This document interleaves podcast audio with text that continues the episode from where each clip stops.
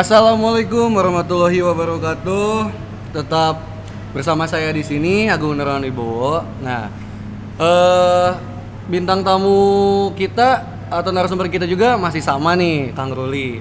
Nah, karena di episode sebelumnya kita udah ngomongin tentang Genbi, tentang beasiswa Genbi, terus program dari Genbi dan juga lain sebagainya. Nah, di sini kita pengen nih ngomongin perkuliahan, khususnya tentang konsentrasi yang ada di eh, Fakultas Ekonomi dan Bisnis di Unisba. Nah, eh, Kang Ruli nih, aku juga tahu nih Kang Ruli ini kan sebagai mahasiswa gitu, dan juga Kang Ruli ini juga pernah ikutan organisasi eh, atau lembaga himpunan ya, him- iman nih. Gini. Gimana kesan-kesannya dulu Pak Ruli? ya kesan-kesan ya Pak Agung ya eh, harus menjalankan perkuliahan Ya. terus juga kita mengikuti kegiatan organisasi Ya. itu di awal-awal emang menjadi suatu permasalahan ya, Ya. karena nggak bisa membagi waktu namun dengan berjalannya waktu kita banyak belajar kita banyak beradaptasi dan alhamdulillah gitu Ruli sendiri bisa menjalankan di himpunan masuk manajemen selama dua periode Alhamdulillah, walaupun hektik ya, Ya, walaupun walaupun hektik. lelah-lelah tapi ini gitu. Eh setelah keluar dari setelah menjadi demis ya, setelah menjadi demis di Himan nih, Mbak Ruli, gimana?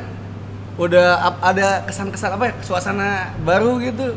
Ini. kesan-kesan selama jadi demis ya, Ya. sebetulnya kangen ada sih ya Pak Ya, Agung ya kebetulan sekarang alhamdulillah diundang jadi narasumber podcast Ya. terima kasih banyak gitu karena eh, sangat pengen banget gitu ketemu Ya. sama anak-anak Himan yang baru Ya. karena dulu pun saya berada di Himan dan rasanya kangen banget gitu setelah jadi demis kangen berorganisasi kangen sibuk bareng-bareng sampai malam Ya. di sekre gitu, ngobrolin tentang himpunan permasalahan dan sekarang ketika telah keluar dari Himan semua itu nggak terjadi lagi gitu dan alhamdulillah sekarang bisa ketemu sama teman-teman Ya. di podcast Alhamdulillah ya teman-teman. Jadi ini juga sekalian silaturahmi juga nih sama demis-demis eh, Himan gitu.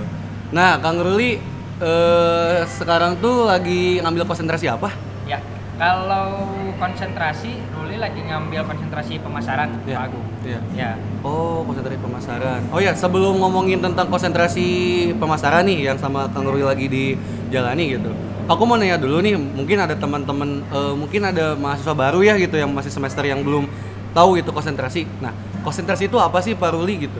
ya jadi konsentrasi itu merupakan penjurusan Ya. kita mahasiswa di semester 5 Ya. nah yang mana lebih dititik fokuskan untuk belajar kepada konsentrasi tersebut Mhm. mungkin kalau Ruli karena ngambil konsentrasi pemasaran jadi Ruli nanti banyak belajar di semester 7, 6, 7, dan 8 itu tentang pemasaran kayak gitu Pak Agung Oh oke. Eh, di Unisba eh, khususnya di fakultas kita ya di fakultas kita sendiri di ekonomi itu ada berapa konsentrasi sih Pak Ruli? Kalau yang terupdate sekarang Ya. di manajemen itu kalau nggak salah ada lima ya, Ya. ada lima konsentrasi. Yang pertama ada konsentrasi opera- eh, operasional, terus yang kedua keuangan, ketiga pemasaran, keempat SDM dan juga kelima kewirausahaan. Oh oke.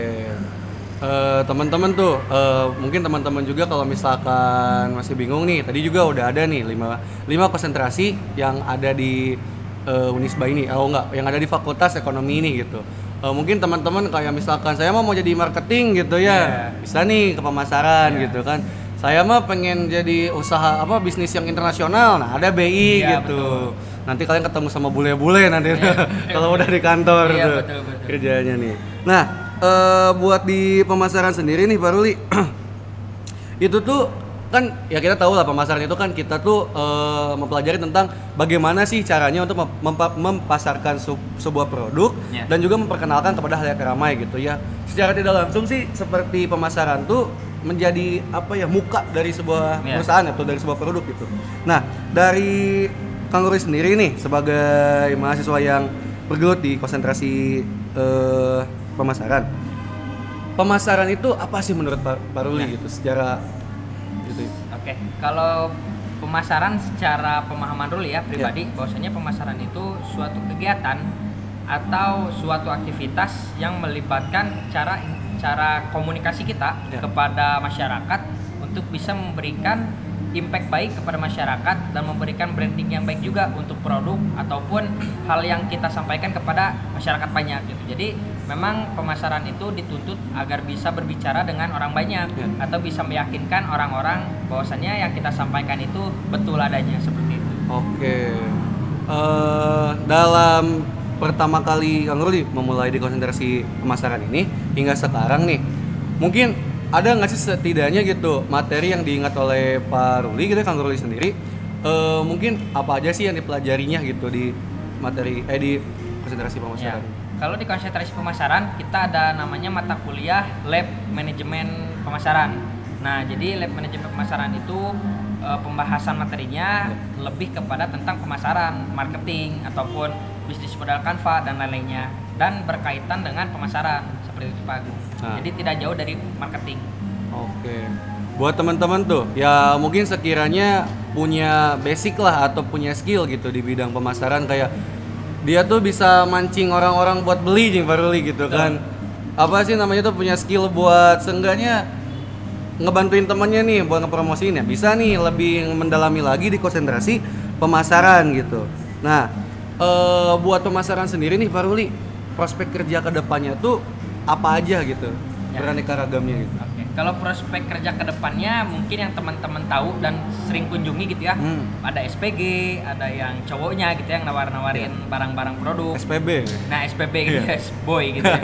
Iya ya. Nah jadi memang marketing itu eh, prospek kerjanya seperti itu. Namun tidak hanya seperti SPG maupun SPB aja. Hmm. Kita juga bisa menjadi analisis digital marketing atau juga analisis marketing di suatu perusahaan. Hmm. Jadi tidak memungkinkan juga ketika kita udah lulus kita jadi SPG atau SPB gitu. Karena kita kan ketika udah lulus memiliki minat kerja yang sangat pengen kita inginkan gitu ya nggak mungkin kita pengen kerja nanti jadi yang paling bawah gitu kan nggak Iya, mau kan iya. nah tapi dari marketing ini dari pemasaran kita banyak memiliki prospek kerja yang baik gitu di perusahaan-perusahaan besar pun bisa kita sebagai digital analisisnya ataupun marketing analisisnya seperti itu Pak Agung Oke.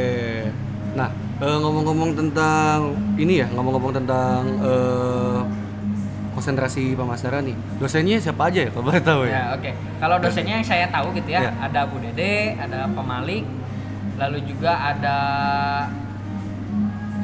siapa ya saya lupa sih Iya. pokoknya yang sering saya pelajari Iya. ada sama dua dosen itu sih Oh, Bu Dede tuh. Iya Bu Dede, baiklah itu. The best tuh Bu Dede tuh. Buat teman-teman nih yang mungkin ah saya mah pengen dosennya tuh yang apa ya? yang- Nyantai Yang, gitu. nyantai gitu Iya, ya. Bisa tuh pemasaran tuh. Ketemu Bu Dede. Jadi enak gitu ya. Nah, buat buat eh, konsentrasi sendiri nih konsentrasi di pemasaran ini nih. eh apa ya kayak suka dukanya apa sih gitu yang digeluti di konsentrasi Iya. ini gitu. Suka duka eh, untuk Lili pribadi Iya. ketika ngambil konsentrasi pemasaran, Iya. dukanya ada ketakutan sih untuk prospek ke depan kerja karena Hmm. banyak teman-teman mahasiswa yang bilang bahwasanya ah ketika ngambil kita ketika kita ngambil konsentrasi pemasaran kita bakal jadi SPG gitu Iya. kan, bakal jadi SPB cuman itu eh, maksudnya yang menjadi duka saya saat ini tuh itu ditakutkannya memang apa yang dikatakan sama teman saya itu memang prospek kerjanya ke depannya seperti itu jadi Mhm. SPG maupun SPB namun yang kita telah ketahui bahwasanya dalam segi marketing itu banyak nggak cuma nawar-nawarin barang tapi Iya. kita bisa juga sebagai analisis Iya. gitu nah lalu untuk senangnya karena saya pribadinya pembawaan orangnya yang bisa ngomong Iya. atau banyak ngomong gitu Iya. ya Pak Agung jadi Iya. saya rasa cocok untuk masuk marketing Iya. dan di pemasaran pun memang harus dibutuhkan soft skill ya atau hard skill yang bisa ngomong ataupun eh, membawa kepercayaan orang kepada yang kita bawa gitu maksudnya asumsi Hmm. orang tuh bisa kita bawa gitu Jadi Nah. intinya tuh public speakingnya harus bagus nah ya, ya Pak Ruli betul banget itu memang suatu tuntutan sih dan saya merasa senang karena memang pribadi saya seperti itu jadi Iya. cocok bagi saya Soalnya kan kalau misalkan menurut saya nih Pak Ruli ya gitu. Kalau misalkan menjadi SPG atau SPB sih, maksudnya gini ya, tidak menutup kemungkinan juga lah Pak Ruli ya Betul, gitu. betul. Kita lulus di konsentrasi ini, pemasaran ini, ya maksudnya tuh masa sih gitu langsung di SPB SPG Iya, kan betul, betul. gimana Iya, gitu iya. ya. Gitu. Barangkali kan nanti kalau misalkan ah mungkin kalau menurut saya ini Pak ya gitu ya, mungkin aja SPG atau SPB itu ehm, saya rasa nggak se ini loh, nggak selamanya mereka juga lulusan dari pemasaran gitu Pak Ruli. betul betul SPG SPB itu gitu kan masanya kayak masa sih gitu kan oh, kayaknya dia tuh kan di universitas mana malah nawar-nawarin rokok betul betul betul betul kan agak agak gimana Iya, gitu ya iya. baru ya nah eh buat di kampus sendiri nih Pak Ruli, eh mungkin dari aku sendiri ya Pak Ruli, aku juga masih bingung gitu ya dengan konsentrasi ini gitu. Apa sih bedanya ketika kita sudah memasuki konsentrasi yang kita inginkan sama kita sebelum tuh apakah ada perubahan di mata kuliahnya? Apakah mungkin di bayangan, di bayangan aku tuh kayak gini Pak Ruli, kayak kalau misalkan udah masuk konsentrasi itu matkul kita tuh lebih ke konsentrasi yang kita inginkan gitu yang kita ambil. Kayak misalkan pemasaran rata-rata SKS-nya rata-rata matkulnya tuh pemasaran semua gitu. Atau enggak masih ada campuran sama yang lain tuh gimana gitu? Ya, kalau pola pembelajaran di Unisba, Hmm. ketika kita udah ngambil konsentrasi yang ada di Unisba, Hmm. itu sebetulnya kita masih tetap belajar matkul-matkul wajib Ya. yang ada di prodi manajemen. Ya. Cuman kita juga nantinya bakalan ada matkul tambahan Mhm. terkait konsentrasi yang kita pilih gitu. Mungkin sebagai contohnya kalau kita ngambil konsentrasi pemasaran, Ya. kita bakalan belajar tentang laboratorium manajemen pemasaran. Di situ memang kita membahas pure tentang marketing gitu dari segi online maupun digital maupun secara pengimplementasian offline seperti itu Pak Agung. oh oke oke nah eh, sebelumnya nih Pak Ruli kan Pak Kang Ruli ini kan angkatan 2019 ya Betul. yang di mana offline pernah keasaan Iya, online lagi iya, pernah betul keasaan benar, gitu benar, benar. pernah terasa nih gitu Eh, mungkin kilas balik sedikit lah gitu Kang Ruli ya gitu gimana sih dulu pengalaman Kang Ruli ketika dari offline jual op- jual- dari offline tiba-tiba online gitu Iya. gimana tuh Pak? Kalau respon pertama kaget ya Iya. karena nggak biasa belajar melalui Zoom Iya. Dan terbukti gitu ketika saya berkuliah online Iya. rasanya matkul-matkul yang telah dijelaskan sama dosen itu jarang ada yang masuk gitu. Mhm, Maksudnya dalam artian kita nggak pernah terpikirkan bahwasanya oh matkul ini kita dapat nih jawabannya, kita dapat Iya. jawabannya. Tapi kalau offline itu lebih enak karena penjelasannya langsung, Iya. secara langsung tatap muka dan ketika ada pertanyaan pun kita enak buat tanya. Tapi kalau online dirasa dosen menjelaskan tapi kita ilmunya nggak masuk gitu karena Mhm, kita bisa sambil rebahan, kita Iya. bisa sambil main HP dan nggak fokus kepada pembelajarannya gitu. Jadi waktu itu memang sangat bingung dan juga sangat disayangkan sih kuliah harus online gitu dan namun ada impact baiknya gitu dari online ini yaitu IPK bisa naik. Iya, itu iya. tidak tahu pertimbangannya seperti apa gitu ya. Namun emang itu menjadi budaya mungkin ketika kita kuliah online IPK menjadi bagus gitu Iya, dan iya. itu saya alami gitu Pak Agung. Iya. Soalnya kan eh, dulu juga ya ketika itu juga berlaku dulu saya masih SMA ya baru ya waktu covid itu pertama kali online tuh saya juga awal-awal juga kaget juga gitu.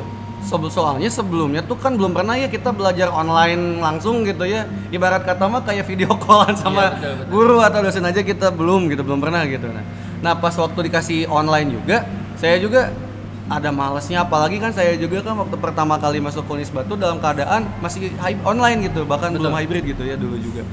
Masih belum inilah gitu baru masih belum apa ya masih belum terbiasa gitu baru ketika dikasih offline kemarin kan enaknya ada Iya. nggak enaknya juga Iya, ada betul. Ulangannya nggak enak ya, nggak bisa nyontek. makanya dulu udahlah nggak apa-apa kuliahnya mah offline Iya. ujiannya yang online, online nah, kepengen itu. kepengennya gitu gitu nah ngomongin tadi nih pemasaran tadi itu kan ada laboratorium apa ada lab Lab manajemen pemasaran. nah itu tuh apa sih? Ya.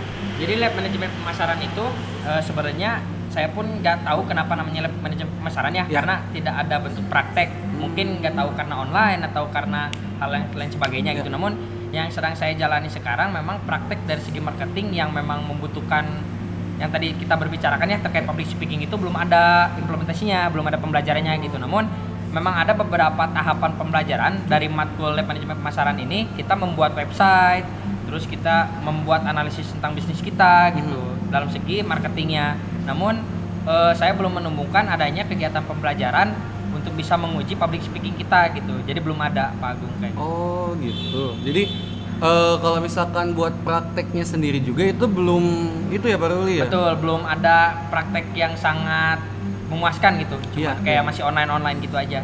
tapi kalau ke depannya nih kira-kira bakal ada nggak sih praktek kayak gitu Pak Ruli Kalau ke depannya kayaknya nggak tahu ya, karena dari dosen saya pun belum ada transparansi ke depannya bakalan kayak gimana. Mhm. Cuman ya saya sebagai mahasiswa yang baik ya mengikuti alur aja gitu. Ketika memang tidak ada pengimplementasian dalam memasarkan produk, ya ya saya terima-terima aja gitu karena mungkin itu pertimbangan dosen lebih baik daripada pemikiran saya seperti itu. Oke, tapi eh, lebih baiknya itu mungkin Ruli kan ketika kita belajar, ketika kita belajar, kita juga mempraktekkannya di lapangan begitu ya. Jadi seenggaknya nih apa yang kita telah pelajari itu bisa langsung apa ya? langsung nempel langsung gitu ya. nempel Iya, gitu betul, soalnya betul. langsung dilakuin juga Iya, gitu ya. Pak Ruli gitu penting itu. nah gitu Mau- kualitas dosennya bagaimana Pak Ruli Kenapa? di pemasaran Eh, begitulah. Cukup baik, cukup baik. cukup baik Cukup ya baik. cukup baik gitu buat teman-teman nih mungkin kalau misalkan teman-teman eh, masih apa ya masih bingung nih dengan konsentrasi pemasaran nih nah teman-teman juga bisa bisa nih eh, mungkin dari podcast ini juga eh, bakal ada penjelasan-penjelasannya atau enggak mungkin teman-teman juga bisa menanyakan kepada dosen-dosen yang ada di bidang konsentrasi pemasaran ini gitu. Kayak salah satunya Bu Dede. Mungkin Bu Dede mah orangnya tuh wah siapa sih yang nggak tahu Bu Iya, Dede Bu Dede, gitu? Bu Dede orang paling baik Unisba kayaknya. betul. gitu. Jadi mungkin teman-teman juga bisa eh, apa sih namanya tuh ketemu sama Bu Dede atau ngobrol secara langsung sama dosen-dosen yang ada di eh, pemasaran ini gitu di konsentrasi pemasaran ini gitu buat teman-teman sendiri gimana banyak teman-teman Kang Ruli yang ikut ke pemasaran atau Ya. Kalau teman-teman saya pribadi yang masuk ke konsentrasi pemasaran cukup banyak ya, Ya. karena memang dari tahun ke tahun konsentrasi yang paling banyak diminati oleh mahasiswa manajemen tuh Ya. antaranya keuangan dan juga pemasaran gitu. Dan yang mungkin teman-teman tahu eh, konsentrasi operasi itu memang sangat ditakutkan gitu ya. Mhm. Ketika kalian belajar tentang matkul operasi pun mungkin kalian bingung dan Ya. sulit gitu ya untuk mengerjakannya dan itu terbukti untuk penentuan konsentrasi pun sangat jarang yang mengambil konsentrasi operasi. Namun keuangan dan pemasaran lah yang menjadi prioritas utama masyarakat manajemen Unisba Iya, gitu. iya.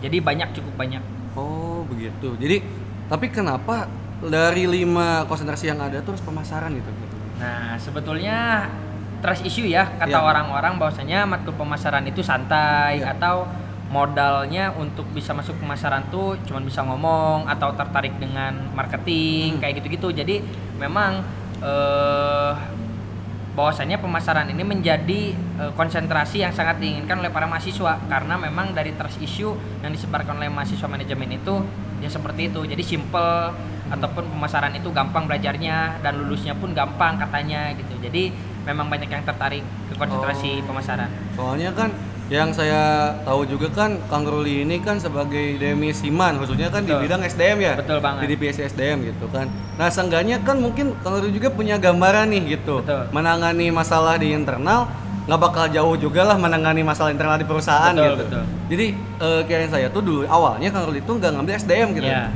Gitu. Awalnya tuh ngambil SDM maksud saya. Ah iya, jadi memang banyak yang bilang juga gitu ya. Ya. Ruli kan pernah berpengalaman menjadi ketua divisi SDM Ya. dan juga bergelut di SDM itu selama dua periode. Cuman memang telah melewati beberapa sharing dengan demisioner, telah sharing dengan eh, mahasiswa manajemen lainnya. Katanya kalau memang kita udah belajar tentang SDM itu tidak perlu dipelajari lagi karena masih sama ilmunya gitu Ya, kan. ya. Nah, karena banyak orang yang bilang gitu dan saya pun mempercayai dan yakin juga gitu maksudnya oh iya ya betul orang-orang bilang bahwasanya SD mah sebetulnya tidak perlu dipelajari tapi Iya. memang harus dipraktekkan dan sudah terpraktekkan gitu di himpunan dan saya ingin mencoba hal baru dengan masuki eh, konsentrasi pemasaran. Oke. Buat di pemasaran sendiri nih, eh, tadi kan udah jelasin juga sama Kang Ruli ya prospek kerjanya gitu ya, bukan melulu menjadi SPG atau Iya, SPB betul. lah gitu ya, tapi bisa menjadi analitikalnya Iya, gitu di pemasaran gitu kan, menganalisis apa yang terjadi di pasaran, di pe- eh, pemasaran gitu. Nah, buat ke depannya nih Kang Ruli mungkin dari konsentrasi pemasaran ini Kang Ruli udah masuk gak sih ke wishlist kerja gitu? Mungkin Oke. menjadi dibilang pemasaran. Ya, kalau wishlist untuk nanti capaian mau kerja apa gitu ya, saya belum ada dan karena saya banyak kesibukan, saya terpikirkan tidak kelebih eh, tidak ke- tidak lebih ke arah tentang marketing gitu Ya. Pak Agung meskipun saya berada di konsentrasi pemasaran. Ya. Namun yang saya inginkan ya saya eh, bekerja yang di mana lebih berorientasi kepada perekonomian gitu Pak Agung. Oke. Gitu. Jadi saya malah seka- sekarang nggak ada niatan untuk kerja di bidang marketing. Ya, iya, iya, gitu. Namun pengen lebih ke perekonomian. Namun ya tidak menutup kemungkinan ketika nanti pun saya sudah lulus saya berubah pikiran untuk bisa menjadi seorang digital marketing Iya. ataupun analisis marketing seperti itu Pak Agung. Oke.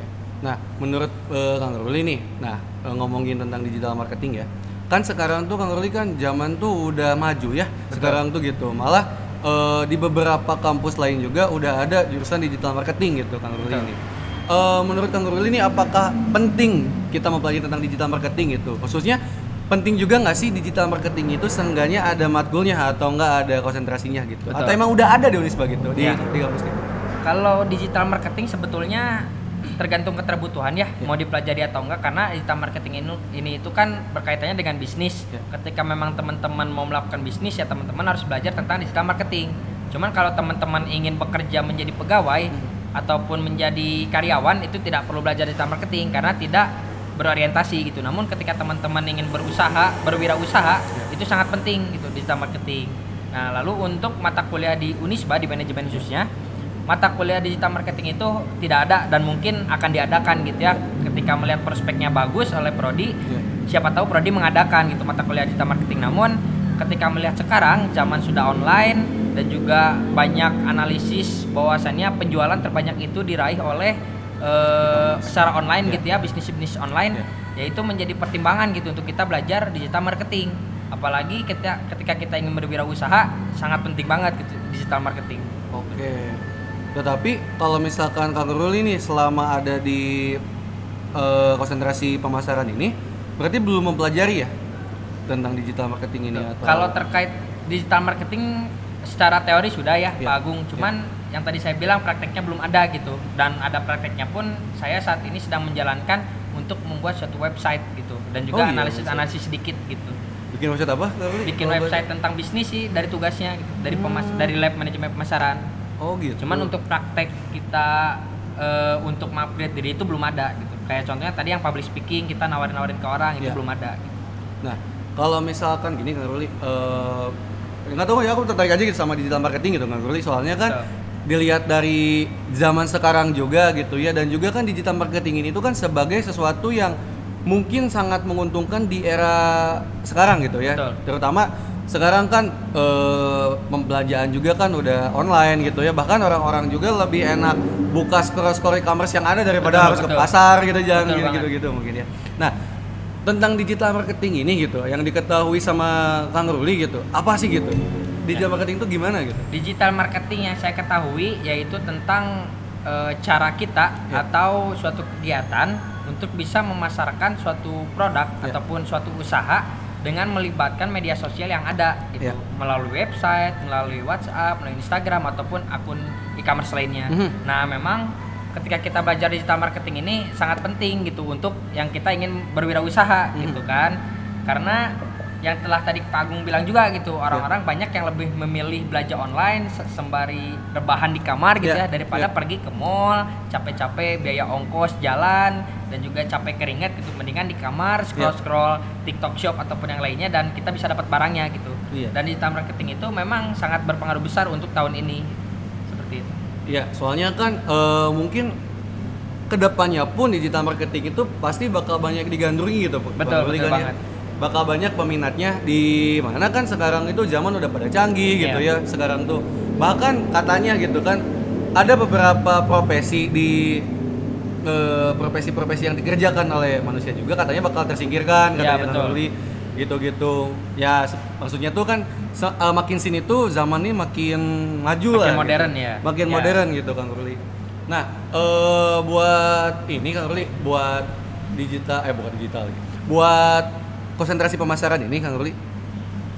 Eh Kang Ruli itu ngerekomendasiin orang-orang yang kayak gimana sih gitu di Iya. biar lebih mantap aja gitu. Oke, kalau menurut saya gitu ya, Ya. untuk teman-teman yang mau masuk manajemen pemasaran lebih diutamakan teman-teman yang suka ngomong sih ya, Hmm. karena itu eh, bekal yang sangat dasar Ya. dan juga sangat mudah untuk kita dapatkan gitu ketika teman-teman bisa mudah berbicara dengan orang lain, dengan orang banyak dan juga lancang dalam berbicara konsentrasi pemasaran sangat tepat buat teman-teman gitu. Namun tidak menutup kemungkinan gitu teman-teman yang suka ngitung pun, yang senang menganalisis pun boleh aja masuk pemasaran gitu. Namun lebih enak ketika memang teman-teman udah punya soft skill tentang public speaking gitu lebih enak gitu Pak. Oke. Jadi teman-teman nih kalau misalkan teman-teman punya kemampuan public speaking yang di mana teman-teman tuh pinter banget nih mungkin teman-teman waktu zaman sekolahnya kayak zaman SMA atau SMP pernah dagang nih ke kelas-kelas terus Iya betul. pinter nawarin Iya, gitu ya. betul banget. Gitu. Nah, bisa bisa banget nih eh, buat masuk ke konsentrasi Konsentrasi pemasaran ini gitu ya. Eh mungkin eh, gak banyak dari aku ya gitu. Mungkin teman-teman juga kalau misalkan masih bingung juga atau masih penasaran nih dengan konsentrasi-konsentrasi yang ada di Fakultas Ekonomi, teman-teman juga bisa ngedatengin dosen-dosen yang berkaitan langsung di bidang konsentrasi tersebut atau enggak teman-teman juga bisa nih nanyain ke kating-katingnya yang udah ada di konsentrasi tersebut gitu. eh mungkin segitu aja dari aku gitu ya. Sebelum aku menutupi juga aku juga pengen minta quotes nih dari Yes, Kang Ruli quotes, nih. iya, iya. Pengen minta quotes nih. Eh, tapi edisi buat eh, episode yang ini aku pengen quotesnya tuh yang berhubungan dengan keuangan anak muda gitu. Widih, keuangan anak muda gitu ya. Wow, keuangan anak muda gitu ya quotesnya. Oke. Eh, mungkin yang bisa saya sampaikan gitu ya, pesan yang bisa saya sampaikan untuk teman-teman yang mendengarkan podcast ini, hematlah uang kalian, hematlah dalam segi mengeluarkan uang karena kita tidak tahu ke depannya akan terjadi hal apa pun itu kita harus siap dengan segala dana darurat maupun tabungan dan juga kita harus bisa memisahkan mana kebutuhan dan juga mana keinginan mungkin seperti itu pesan dari saya Pak Agung Nah, itu dia. Jadi seenggaknya kita tuh jangan melulu eh gini ya, maksudnya tuh kalian tuh nggak apa-apa. Kita nggak apa-apa nih punya keinginan. Tapi asal bisa eh, balance aja gitu. betul Kita harus bisa balance gitu kan.